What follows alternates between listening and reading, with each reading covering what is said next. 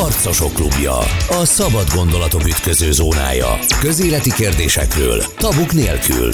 Az érvek és a vita egy órája a Spirit fm Gavra Gáborral, az atv.hu főszerkesztőjével. Üdvözlöm a Spirit FM hallgatóit, a Harcosok Klubja mai vendége Vince Hajnalk, a független kül- és védelem politikai kutató, a Philadelphiai Foreign Policy Research Institute transatlanti és európai kérdésekkel foglalkozó szakértője, a mikrofonnál pedig a szerkesztő műsorvezető Gavra Gábor. Köszöntöm a kedves hallgatókat, szervusz Hajnalka! Szervusz, köszönöm, hogy itt lehetek. Ez a Harcosok klubja ez szeptemberben kerül adásba, de augusztus végén vesszük fel, mert mert ekkor van Magyarországon hajnalka, aztán utazik vissza az Egyesült Államokba, és amikor fölvesszük, akkor pontosan fél éve annak, hogy Oroszország megtámadta Ukrajnát. Az az első kérdésem, hogy Ugye utólag persze mindenki okos, és utólag, utólag visszaverőleg mindenki mindent tudott. Téged meglepett, hogy, hogy végül bekövetkezett a háború, amit azért, hogy mondjam, az előjelek azok nagyon fenyegetőek voltak jó néhány héttel azelőtt. Megmondom őszintén, hogy engem, aki nem vagyok biztonságpolitikai szakértő, engem meglepett, hogy az oroszok meglépték, amit megléptek. Te akkor meglepődtél? Én akkor meglepődtem, ugyanakkor folyamatosan úgymond benne volt a pakliban, Különösen azért, mert az alapvető lényegi kérdésekben nem történt elmozdulás, tehát végül is 2014, de még inkább 2007 óta 2008, amikor Putyin jelezte, hogy Ukrajna semmiképpen nem lehet NATO tag, 2008-ban a NATO mégis kijelentette, hogy Ukrajna NATO tag lesz. Innentől kezdve lehetett látni, hogy ez egy, ez egy igencsak összeegyeztetett álláspontok ütköznek ebben a kérdésben. Ö, folyamatosan ö, napirenden volt, tehát az, hogy valami olyan készül, ami az abszolút vörös vonal Oroszország számára, ugyanakkor a NATO egy ideig jegelte, nem erőltette. Biden adminisztráció hatalomra kerülése, illetve elnökségenek kezdetétől azonban folyamatosan jöttek az erősebb jelek arra, hogy de igen, Ukrajna NATO tag, az nyitva hagyjuk a továbbra is a NATO ajtaját, senki nem vétózhatja meg. Tehát ez így nyilván így fokozta a hangulatot. Ugyanakkor nem csak engem lepett meg, hanem mondjuk a francia diplomáciához nagyon közel álló Hubert Védrin külügyminiszter azt mondja utólag, aki benne volt a tárgyalások van, illetve azokhoz nagyon közel, ő azt mondja, hogy azért nem számítottak rá Európában, mert hogy elméletileg nagyon komoly kulisszák mögötti tárgyalások folytak éppen akkor arról, hogy az, amit az oroszok már 20 éve követelnének, illetve kérnének, és a franciák is szorgalmaznának, hogy egy ilyen összeurópai biztonsági rendszer létrehozzanak, tehát erről így megindultak a tárgyalások. Nyilván az oroszok úgy látták, hogy ismét zsákutca, és meglépték akkor, amikor váratlanul léphették meg. Most ö Ugye, amikor a, amikor a háború, vagy mielőtt a háború kitört, az utolsó hónapokban eh, viszonylag intenzív tárgyalások folytak egyrészt a NATO és Oroszország között, pontosan a, Ukrajna e, esetleges NATO e, e, tagságáról, vagy hát annak, a, annak az oroszok által remélt megelőzéséről. Másrészt ugye az utolsó pillanatokban is több európai vezető, Macron francia elnök, akár Orbán Viktort is említhetnénk, Moszkvába látogatott.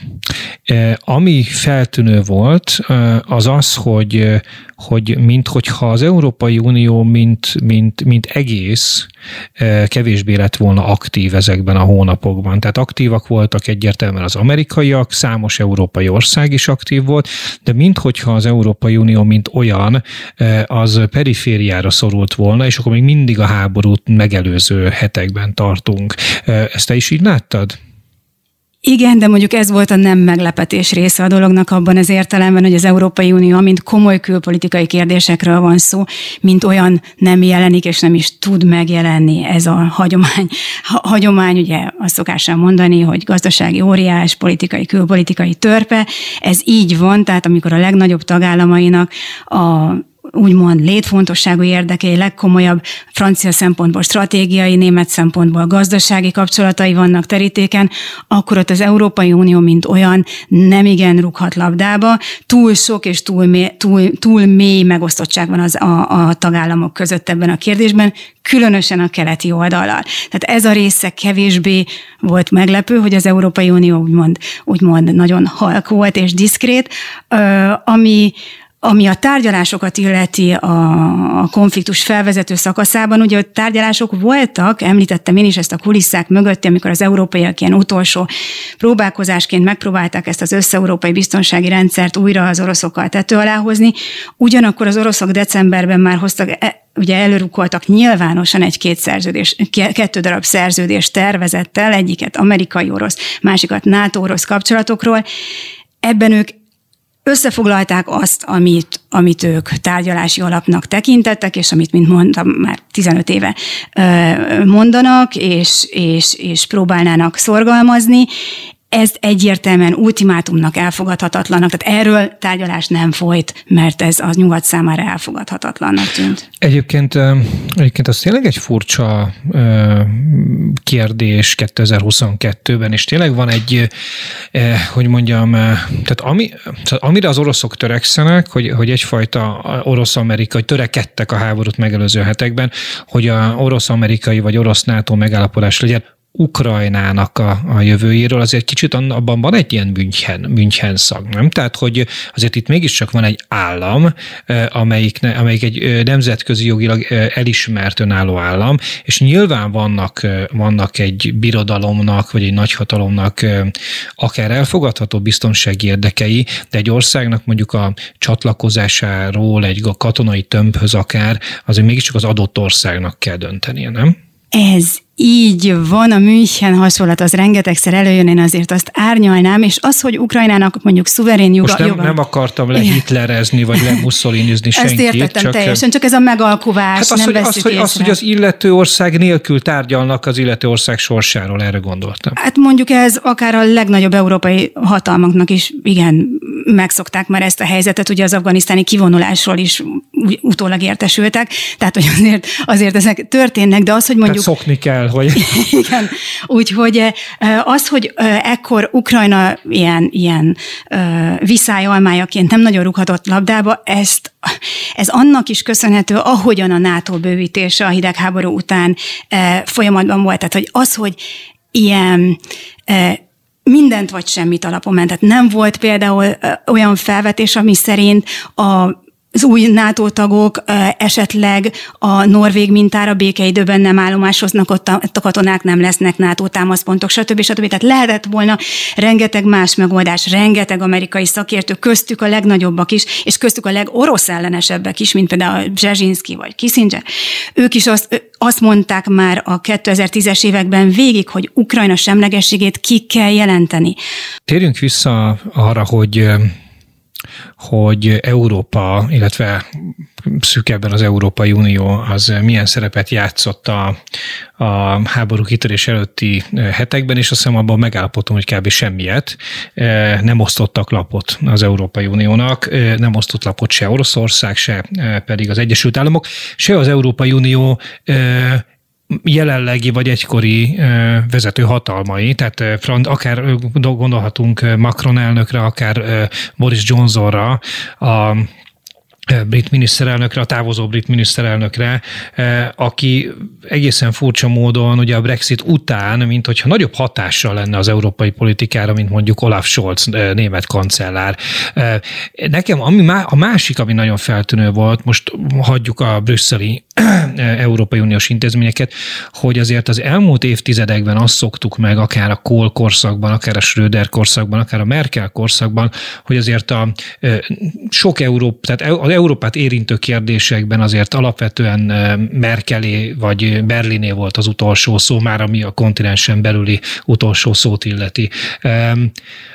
Most viszont úgy tűnt, hogy mintha úgy léptek volna át az események Németországon magán, és Scholz kancelláron személyesen is, mint hogyha ott se lett volna. Minek köszönhető ez? Ez, ez a Merkel távozásának köszönhető, Scholz nem volt mondjuk annyira jó érdekérvényesítő, mint akár Macron, akár Johnson, vagy minek, mert hogy ugye a fejlemények, erről majd fogunk beszélni, a szankciók, a energiaválság, stb., amik mind-mind az ukrajna elleni orosz támadás következményei, ezek azért hatnak a német gazdaságra, a német iparra nagyon erőteljesen, talán jobban, mint bármelyik másik nyugat-európai országra. Ez így van. Németország nyilván, nyilván az egyik olyan, aki a leginkább megérzi és a leghamarabb ezeknek a hatását. Ugyanakkor az, hogy, hogy Németország nem játszott főszerepet ebben a kérdésben, az annak tudható be, hogy Németország alapvetően, amikor külpolitikai biztonsági kérdésekről van szó, akkor egyértelműen az amerikai vonalat viszi. Tehát nincsen igazán saját külpolitikája, amikor igazán komoly kérdésekről van szó.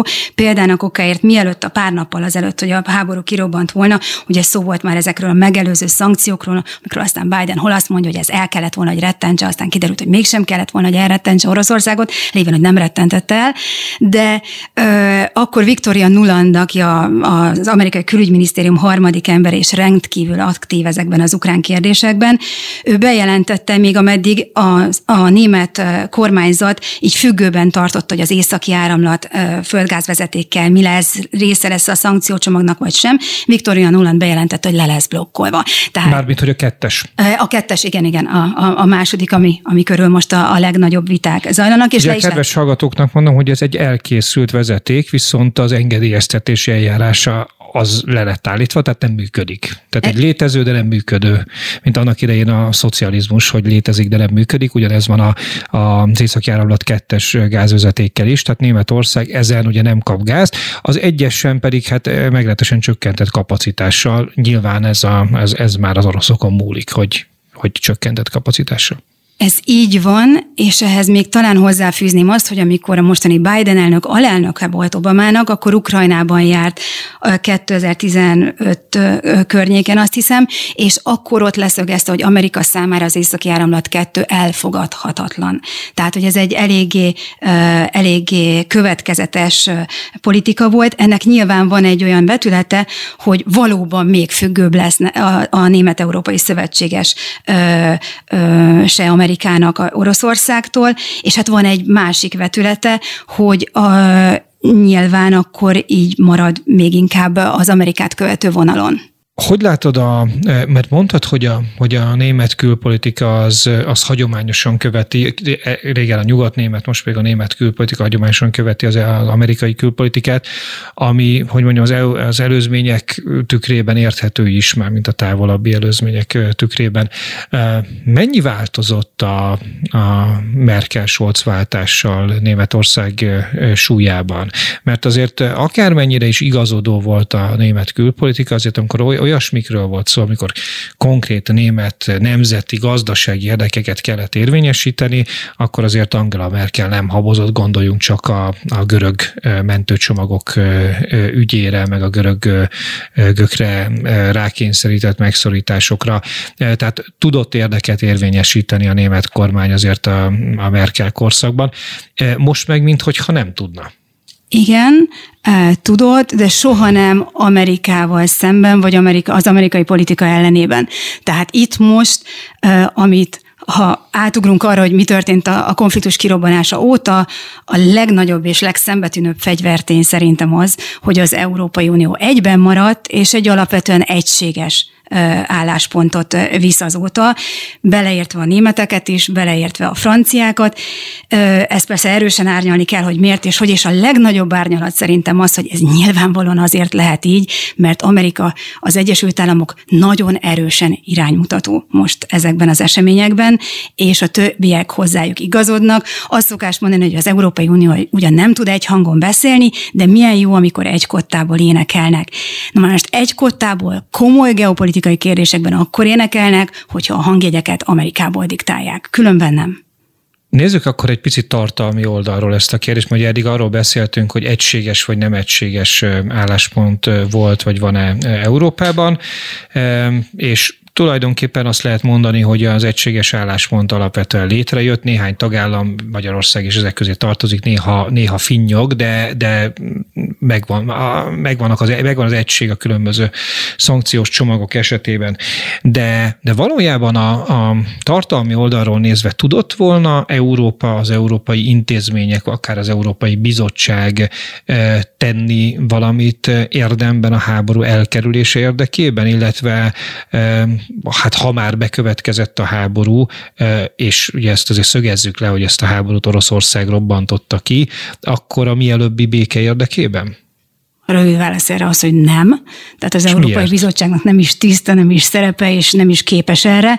Az európai az európai politika az alapvetően az európai országok politikájának a meccéspontja, mondjuk, hogyha van külpolitika, amikor van ilyen meccéspont. Ebben az európai egységes fel, felépésben most az igazán izgalmas az volt, hogy abban sikerült ilyen alapvetően közös álláspontot prezentálni kifelé, ahol az egyik legmélyebb megosztó, megosztó vonal van a, a keleti bővítés óta a tagállamok között. Ugye van, a, amikor még a britek is bent voltak, az angol, balti, lengyel vonal, ami természetesen a, a, az amerikai is, és aztán van ez a lengyel, francia, egyébként olasz, spanyol vonal is, ami, ami megengedő volt mindig Oroszországgal szemben. Ez egy olyan törésvonal volt, amire mondjuk a... Mert a német-francia, a, a, a német-francia az ilyen szempontból egy, egy, egy, igen, igen, egy, igen. egy ja, oldalon volt. mondtál, de akkor az... Jaj, bocsánat, igen, igen, igen. német, francia, igen. igen. Tehát ilyen, ilyen szempontból németek, franciák, spanyolok, olaszok egy oldalon voltak ők, ők úgy gondolták, hogy egy kontinensen vagyunk Oroszországgal, valamilyen ö, együttérés módozatot mindenképpen ki kell alakítani. Itt most az meglepő valóban az volt, hogy egymás után jöttek a szankciós csomagok, és ha már az EU intézményekről beszélünk, akkor nagyon büszke a bizottság, hogy az európai békemechanizmusból 2,5 milliárd eurót már sikerült mozgósítani arra, hogy közösen szerezzenek be fegyvereket, amiket majd Ukrajnába szállítanak. Arról is szó van, hogy esetleg katonai kiképző missziókat indít az Európai Unió a környe, az ukrán hadsereg számára a környező országokban. Tehát próbálnak ilyen meglehetősen vérszegény megmozdulásokat, de azért mégis megmutassák, hogy léteznek és vannak. A valódi politikát nyilván a, a, a tagállamok fogják eldönteni, és itt viszont a közös paraván mögött azért már az elejétől kezdve látszik, először is vannak lengyel-német csörték ide-oda, a másik oldal pedig látszik, hogy összeegyeztetetlen az a mondjuk Macron elnök által képviselt álláspont, mi szerint nem kell revansot venni, Oroszországon nem kell megalázni, és mondjuk az észt kormányfő, aki azt mondja, hogy nem szabad Oroszországnak kiutat hagyni. Tehát ez a kettő elég nehezen összeegyeztethető. Mint említettem, az összeegyeztetés egyetlen ö, ö, lehetséges kulcsa az az, hogy viszont Amerika nagyon erősen és határozottan sorban tartja most őket. A másik az az, amit ön is, amit ön is említett, hogy, hogy hát ugye egyértelmű a helyzet, tehát itt a határok erőszakos módon történő megváltoztatása történt Európában, tehát azért erre valamilyen képen nyilván nem lehet egy különbözően reagálni, illetve, illetve maga az alaphelyzet az, egy, az mindenki számára ugyanúgy értelmezhető. A harmadik érdekesség az az, hogy viszont az Európai Unió úgymond külpolitikáján belül, tehát a, amit az EU közösen képvisel, ott nagyon-nagyon megerősödött a lengyel balti szány. Tehát viszonylag viccesen, legalábbis szakértői körökben viccesnek tartott módon azt szokták mondani, hogy amikor e, előtte úgy, a konfliktus előtt arról volt szó, hogy Ukrajna finlandizálódhat majd, tehát, hogy semleges lesz-e Finország mintájára. Most ugye Európa NATO-izálódik, Finnország és Svédország is bekerül majd a NATO-ba, illetve az EU külpolitikai fellépésszerűsége polonizálódik, tehát egyre a, inkább a lengyel vonalat viszi. Tehát azért vannak, vannak megosztottságok, de alapvetően az európaiak egyelőre közös álláspontot visznek. Ugye már a lefutott meccs, ezt te is mondtad, hogy, hogy, hogy igazán fontos stratégiai kérdésekből kihagyják Európát. Ez, ennek, ennek pusztán az az oka, hogy, hogy hogy nincs egy európai hadsereg, vagy, vagy, vagy más okai is vannak. Itt most a, a harcosok klubjának az első részét le kell zárnunk, mert lejártam is idő, de egy rövid szünet után innen folytatjuk Vince hajnalkával. Harcosok klubja. A szabad gondolatok ütköző zónája. Közéleti kérdésekről. Tabuk nélkül. Az érvek és a vita egy órája. A Spirit fm Gavra Gáborral. Az atv.hu főszerkesztőjével. Folytatódik a Harcosok Klubja itt a Spirit fm a mikrofonnál Gavra Gábor a szerkesztő műsorvezető, a vendégünk pedig Vince Hajnak a független kül- és védelem politikai kutató, a Philadelphia Foreign Policy Research Institute transatlanti és európai kérdésekkel foglalkozó szakértője. Szerbusz Hajnalka. Igen a önálló európai haderő, és illetve Európa katonai súlya az hát elenyésző, akár az oroszokkal, akár az amerikaiakkal összehasonlítva. Ez az oka annak, hogy Európát kihagyják ezekből a kérdésekből, vagy, vagy van más oka is? kedves hallgatók nem láthatták, de amikor ezt a kérdést feltettem az első rész legvégén, akkor hajnalka rázta a fejét, úgyhogy most átadnám a szót, és akkor azt kérem, hogy ezt verbálisan is fejtse ki. Igen, megpróbálom. A fejrázás arra vonatkozott, hogy ugye úgy szokás beállítani nagyon gyakran, hogy az erős Európa, annál erősebb lesz Európa, minél inkább integráltabb. Magyarán ennek az egyik legeklatánsabb példája az nyilván egy közös haderő lenne, Na már most eh, a közös haderő azon kívül, hogy, eh, hogy jelen állapotban nincs róla igazán szó, és, és nem is valószínű, hogy egyhamar lesz, hiszen a tagállamok olyan döntést kellene, hogy átruházzanak nemzetek feletti testületre, ami a saját létfontosságú érdekeiket érinti, a katonáik életét és a lakosságuk védelmét.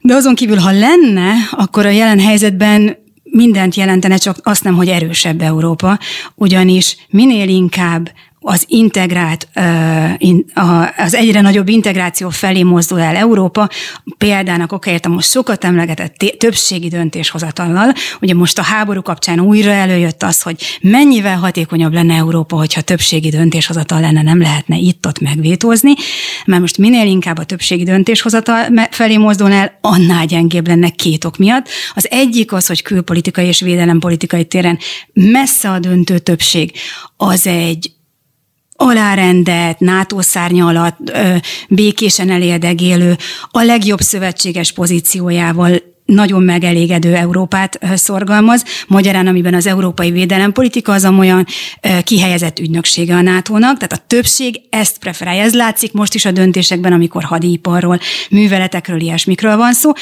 A másik oka pedig az annak, hogy a vétó lehetőségének eltörése azonnal meggyengíteni, hogy viszont azok az országok, mint például Franciaország, amely az egyetlen ENSZ BT állandó tag, amely az egyetlen atomhatalom, na már most ők, de a többiek is a maguk ö, saját ö, számuk, számukra legfontosabbnak tartott kérdésekben, ha azzal kellene, szembesülniük, hogy esélyük nincsen arra, hogy a számukra legfontosabb kérdésekben érvényesítsék, vagy legalább megvédjék a saját pozíciójukat, akkor itt nagyon-nagyon-nagyon hamar a szétesés felé mozdul el az integráció.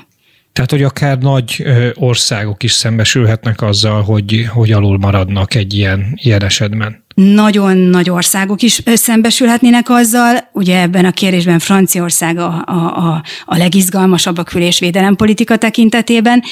És, nagyon, bocsánat, nagyon rossz optikából nézzük akkor ezt a vétó, nem vétó kérdést, vagy nagyon provinciálisan nézzük itt Magyarországon, mert, mert ugye ez állandóan a, a lengyel és a magyar vétókra szokták ezt kihegyezni, de akkor ezek szerintem jóval komolyabb kérdésről van szó.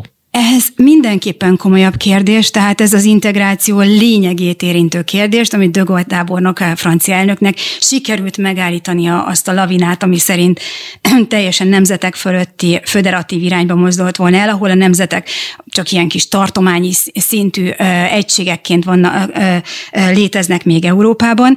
Tehát itt arról van szó, hogy Nyilván nehéz, nyilván fáradtságos konszenzusra jutni, egyhangúságra jutni, ha ez nem sikerül, akkor mindenféle áthidaló megoldásokat találni, de alapvetően ez nem a működik képességet persze, hogy nehezíti, lassítja, de ez a fennmaradás és úgy mellékesen a demokrácia záloga.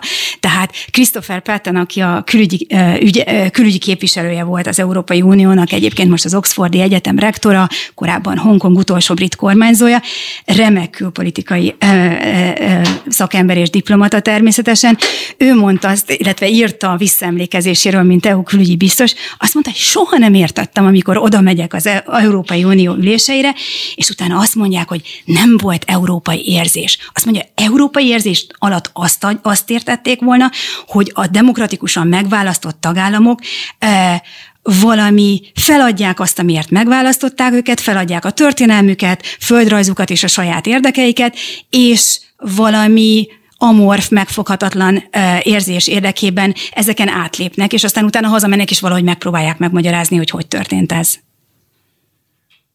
Lefutott meccsnek tartod azt, hogy akár az elmúlt fél év fényében, hogy, hogy hát Európán háttérbe szorult ezekben a, ezekben a kérdésekben, vagy az európai döntéshozók háttérbe szorultak ezekben a kérdésekben, és gyakorlatilag az lép át rajtuk, aki szeretne Vladimir Putyintól Joe Bidenig, vagy, vagy van esély arra, hogy az európai országok a saját érdekeiket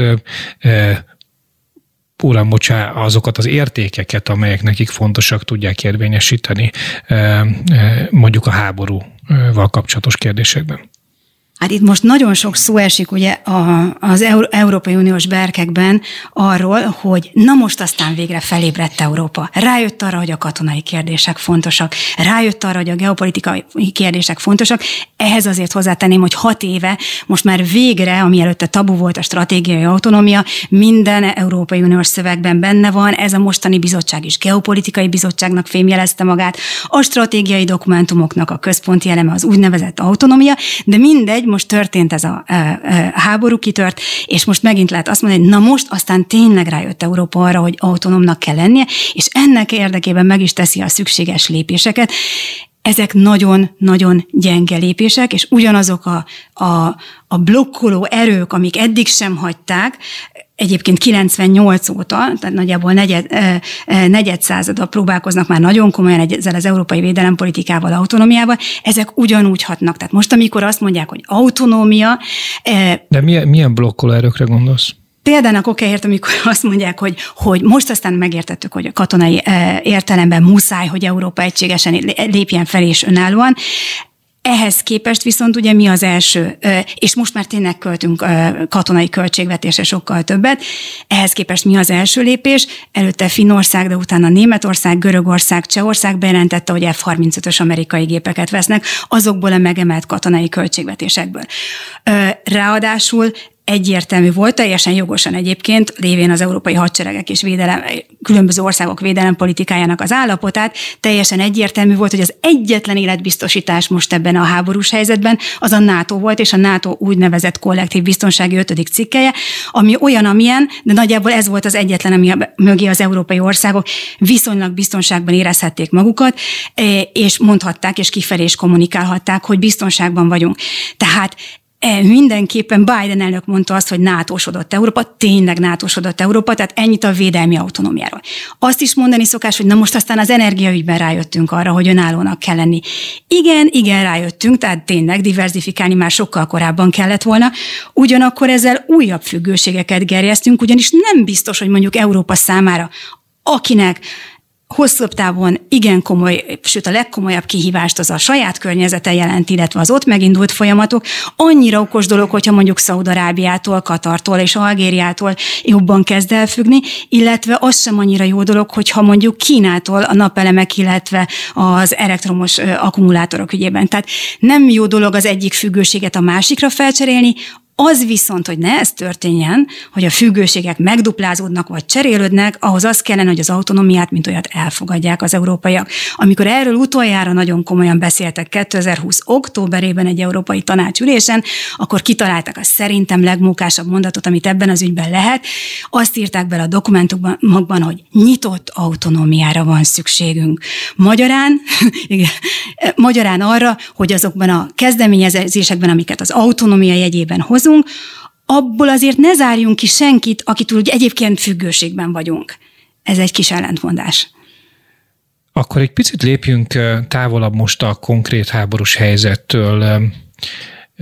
Van ilyen, hogy európai érdek? Tehát, hogy, és ugye itt azért kérdezem, és kifejezetten nem nyugati érdeket mondok, hanem van-e az Egyesült Államokétól eltérő speciális európai érdek, akár ebben a mostani európai helyzetben, akár a háborús, háborús helyzetben is?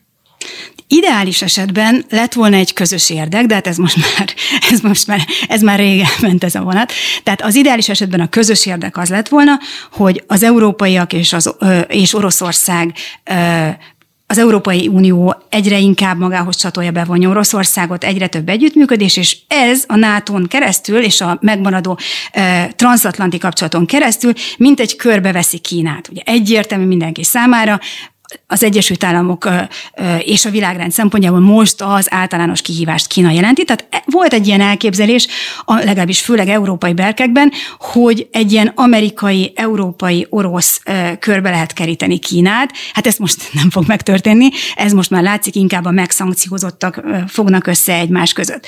Hogy európai érdek sajátosan van-e, erre a NATO korábbi európai, az amerikai hadsereg korábbi európai részének a főparancsnok, a Hodge tábornok azt mondta, hogy az a fő baj, hogy az európaiak összetévesztik a tehát egy nagy kavarodás van az érdekek és az értékek között, és ennek az a következménye, hogy homályosak a céljaik, homályosak a stratégiai céljaik, és ennek, mint írták a könyvükben egyébként más NATO főparancsnok szerzőtársával együtt, az az eredménye, hogy Európa kiírja magát a geopolitikai játszmákból. Tehát az értékeket, érdekeket nem érdemes összekeverni.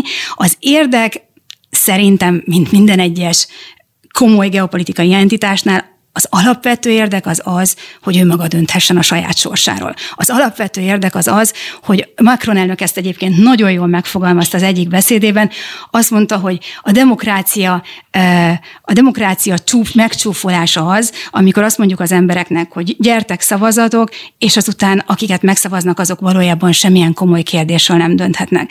Tehát a jelen geopolitikai játszmában, amikor egyrészt ugye Amerika és Kína között kellene helyet találni, közben itt van körül körülöttünk Oroszország, Törökország, ott a muszlim arab kifli felől érkező fenyegetés. Az egyetlen komoly érdek az az, hogy amikor az Európai Unióban levő országok állampolgárai leteszik a boksukat, utána valóban az európai vezetők dönthessenek a különböző irányokról. Akkor nézzük, hogy mit, miket döntöttek az európai vezetők, és um, érintőlegesen szó volt már erről a beszélgetésünk első felében, ugye a szankciókról amikor a, hát ugye amikor a háború a már említett diplomáciai erőfeszítések ellenére bekövetkezett, a Európa megtámadott ukrán fél mellé állt, és és csatlakozott az amerikaiaknak a kőkemény szankciós politikájához. A, de nyilván ezek a szankciók máshogy hatnak egyszerűen földrajzi okokból Európában, és máshogy hatnak az Egyesült Államokban. Te a Portfolio.hu július végén megjelent cikketben így írtál erről. A nyár elejétől folyamatosan szaporodnak az immár nyilvánosan is megpendíteni mert kérdőjelek az ukrajnai háborúban eddig vitt nyugati politika bölcsességét, fenntarthatóságát illetően.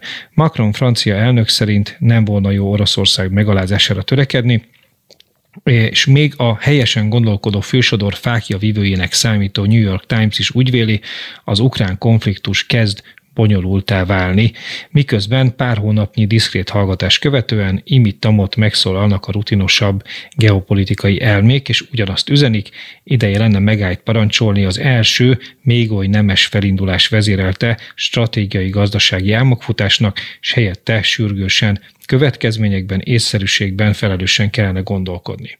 Na most, ha már bekövetkezett a háború, akkor mit tehetett volna másként Európa?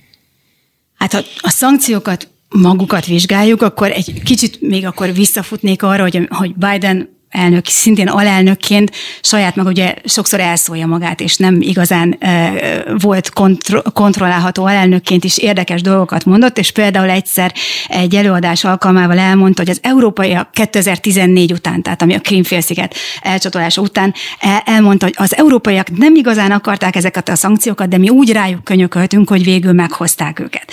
Macron elnök ugye ő maga 2019-ben mondta, hogy ezek a szankciók, ezek nem nem igazán ugyanúgy érintenek minden szövetségest, tehát ezek minket nagyon súlyosan érintenek európaiakat, de nyilvánvalóan az óceán túlpartján fekvő szövetségesünket nem. Ehhez képest 2021. februárjában, amikor a Biden adminisztráció hivatalba lépett, az egyik első jelenésük Európában az volt, hogy Anthony Blinken külügyminiszter videokonferencián részt vett az Európai Unió külügyminiszterének azon, azon a tanácsán, amin szintén az orosz szankciók voltak napirenden, tehát igen-igen aktívan részt vettek benne. A szankciók kapcsán ugyanebben az általad e, e, említett cikkben e, idéztem azokat a, a a diplomatákat, akik azt mondják elejétől kezdve, hogy a szankciók mindig rossz megoldás, tehát nem vezetnek semmire, jobb hiány hozzuk meg őket. Nyilván az is jelent, azt is jelenti, hogy előtte a diplomáciai úton nem voltunk képesek, de főleg a saját tehetetlenségünket maszkírozzuk vele, időt nyerünk, tehát ugye a lényeg az lenne, lenne pár lényeg benne, az egyik az lenne, hogy ne mi ne, ne szenvedjünk jobban tőle, mint a megszankciózottak.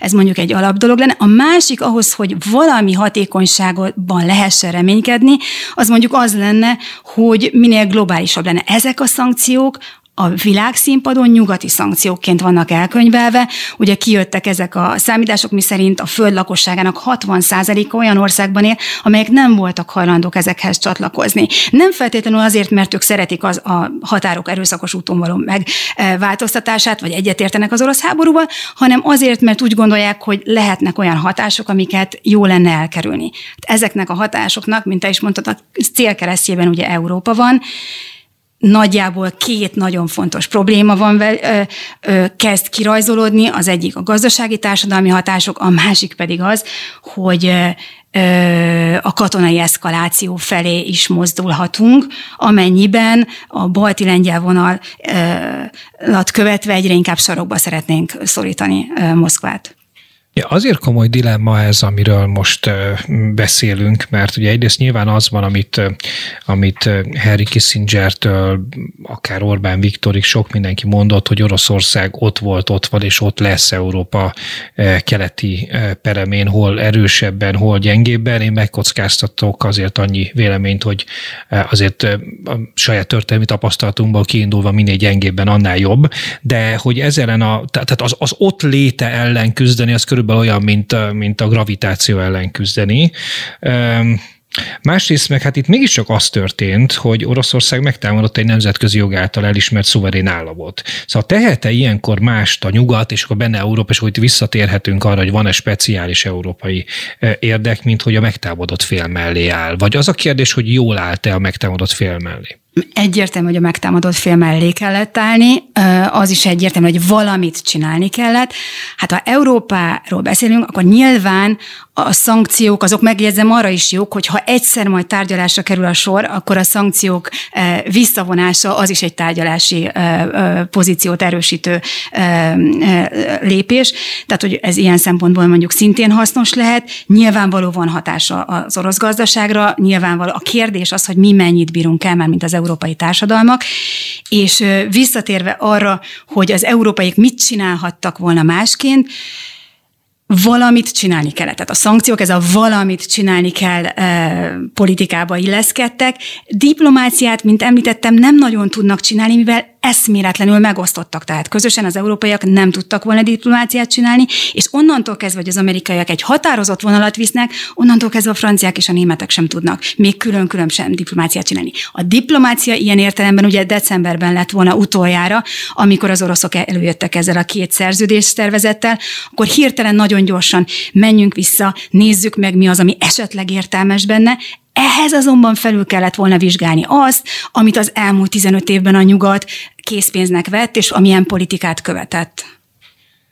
Azt ki lehet jelenteni, ha már érdekekről van szó, meg, meg amerikai és európai és orosz érdekekről van szó, hogy, hogy az Egyesült Államoknak annyiban mindenképpen hát jól jött Putyinnak az a döntése, hogy megtámadja Ukrajnát, hogy ha megfelelően masszívan, megfelelően elszántan védekeznek az ukránok, akkor az oroszoknak egy ilyen új Afganisztán szerű, nagyon elhúzódó háborúban, hát hogy felörlődhetnek, vagy meggyengülhetnek. Nyilván ez ennek a legfőbb áldozata Ukrajna lenne, és nem Oroszország, de minden esetre az oroszok, hogy mondjam, más irányú ambícióinak talán gátat vethet egy, egy ilyen, ilyen elhozódó háború. Európának pedig hát már csak a gazdasági érdekei miatt nyilvánvalóan mielőbb a béke, béke lenne az érdeke. Ez, ez így kijelenthető, vagy ennél bonyolultabb a helyzet? Én azt gondolom, hogy ez azért elég jól összefoglalja azt, ahogyan most állnak a dolgok. Még hozzátenném azt, hogy Amerikának nagyon-nagyon fontos szempontja, most már nem, nem csak az, amit mi figyelünk, hogy Amerika mit akar és mi a politikai akarat Washingtonban, hanem hogy mire képes. Tehát most már jó pár éve az amerikai katonai dokumentumok alapelvként kezelik azt, hogy egyszerre kettő nagyméretű háborút az amerikai hadsereg nem képes megvívni. Ami azt jelenti, hogy egyszerre mondjuk az orosz ö, ö, hadszintéren és Kínában nem képes lenni. Ez egyébként, igen? Nem csak, hogy ugye közvetlenül nem kell ott lenniük ezen a hadszintéren. Ez így van, tehát a, a megoldás erre az, hogy az egyiken a nukleáris elrettentés az, az, az játsza a maga szerepét. Ennek ellenére végig évtizedeken keresztül az alapelv az volt, hogy minimum két nagyméretű háborúban képes legyen az amerikai hadsereg jelen lenni, ugyanis ezt várják tőlük a szövetségeseik. A nukleáris elrettentéssel az a fő baj, hogy a szövetségesek nem nagyon hisznek ebben az ernyőben. Nyilván azt mondják, hogy hisznek benne, de igazából onnantól kezdve, hogy az, a, a, az akkor még szovjetek számára lehetővé vált az amerikai kontinens elérése atomtöltetekkel, onnantól kezdve ez a nukleáris ernyő ez erősen hitelét vesztette, tehát a szövetségesek azt szeretnék, hogyha minél több amerikai katona lenne, és minél inkább képes lenne hagyományos módon is védeni őket, ugyanis az, hogy Washington, hogyha ő maga is... Tehát nem atomfegyverekkel. Nem atomfegyverekkel, ugyanis az mindig egy kérdője, hogy mire lenne hajlandó Washington, mondjuk kockáztatná egy New Yorkot azért, hogy mit tudom, Észtországot megvédje. Tehát az amerikai hadseregnek ez a képesség... Vagy akár Dél-Koreát megvédje, vagy akár, vagy akár Tajvant megvédje. És pontosan erről van szó, hogy az izgalmas ebben most az, hogy egyrészt ez erre a kétfrontos háborúra nem képes, pont a konfliktus alatt a szenátusi meghallgatáson az amerikai hadisztengerészet főnöke mondta, hogy nem tud az amerikai haditengerészet egyszerre két fronton jelen lenni. Ugyanakkor viszont Például most Ázsiában a szövetségesek nagyon figyelik, hogy mi történik Ukrajnában, és hogy vajon az amerikai elköteleződés elég erőse. Tehát egyszerre szeretnék azt, hogy Amerika csak velük foglalkozzon. Mert hogy, mert hogy mit üzen Tajvannak, mit üzen Dél-Koreának, az, hogyha nem elég erős. És mit üzen Kínának. Tehát Kína vérszemet kaphat attól, hogyha úgy tűnik, hogy, hogy Amerika nem elég határozottan lép fel. Tehát Amerika számára ez nagyon-nagyon nehéz, ilyen kötéltáncos akció van már igen-igen régóta, és ilyenkor kieleződik, és ahogy említetted, ilyen szempontból, hogyha az egyik meggyengül, az igencsak jól jöhet. Ugyanakkor, amiről már beszéltünk, tehát Oroszország kérdés, hogy meddig hajlandó gyengülni anélkül, hogy felvetődjék az ilyen-olyan nukleáris demonstráció jelképet. Tehát nemrég mondta a korábbi oroszországi brit nagykövet, hogy bizony, hogy arról lenne szó, hogy súlyos vereséget szenved Oroszország, akkor egyáltalán nem zárható ki azt, hogy, hogy sokkal komolyabb akár atomeszközökhöz is folyamodna. Az utolsó kérdésem az az lenne, mert itt beszélget beszélgettünk nagyon sok mindenről, és többek között arról is, hogy mennyire húzódhat el ez, ez a háború, hogyha a, a, a feleknek a kimondott vagy ki nem mondott hadi céljait nézzük, akkor én azt látom, hogy különösebb optimizmusra nincs okunk. Tehát az ukránoknál van egy kimondott hadicél, Ukrajna 2013. december 31-i területének teljes visszafoglása, teljes felszabadítása. Ez beleértve nyilván a krímet is. Ez egy ez egy majd nagyon távolinak tűnő cél, tehát hogyha az ukránok a teljes győzelemig akarják folytatni a háborút, akkor az, az, az egy elég hosszú háború lesz. Az oroszoknak nincsen, kifejezetten tartózkodnak attól, hogy ki, ki, ki, kijelentsék, hogy mik a hadi céljaik, de hogyha az események kibontakozását nézzük, akkor nyilvánvalóan céljuk lehet Ukrajna teljes elvágása a Fekete-tengertől, és az is egy nagyon távoli célnak tűnik most. Te, te látsz, látsz ennek a háború háborúnak egy rövid úton történő befejezését? De esélyt. Hát azt gondolom, hogy rövid úton nem feltétlenül igazságosan, sőt biztos, hogy nem igazságosan, nyilván akkor fejeződne be, hogyha a nyugat megszüntetné a, a Ukrajna támogatását, ami erkölcsileg is elfogadhatatlan, a közvéleménnyel sem lehet elfogadtatni, és a többi. És hát ugye jön a tél, mit bírnak az európaiak, mit bír az európai gazdaság, mit bír az európai társadalom, a német, német alkancellár arra figyelmeztetett, hogy, Euró, hogy a Németországban akár a társadalmi béke is veszélybe kerülhet. Ugyanerre várnak a, a franciák is, ahol három évvel ezelőtt a sárga mellényesek már ennél sokkal kisebb, kisebb megélhetési problémák miatt is odáig mentek, Macron elnök már a, helikopterrel majdnem elrepült az Élizé palotából, hogyha ezt elfoglalnák. Tehát, hogy, hogy igen, igen nagy kérdés, hogy Európa meddig megy el. Mindenképpen érdekes ebből a szempontból a közvélemény. A madridi júliusi, júniusi végi NATO csúcs találkozón a belga kormányfő mondta azt, hogy külpolitikát, geopolitikát addig lehet folytatni, ameddig a lakosság támogatja azt. Ez volt a Harcosok Klubja mai adása. Nagyon köszönöm Vince Hajnak, a Független Kül- és Védelempolitikai Kutatónak, a Philadelphiai Foreign Policy Research Institute transatlanti és európai kérdésekkel foglalkozó szakértőjének, hogy eljött hozzánk. Jó utat hajnak a vissza az Egyesült Államokba, és kedves hallgatóknak pedig nagyon köszönöm a figyelmüket. Gavra Gábort, a szerkesztő műsorvezetőt hallották, viszont hallásra. Ez volt a Harcosok Klubja. Harcosok. A Spirit fm -en.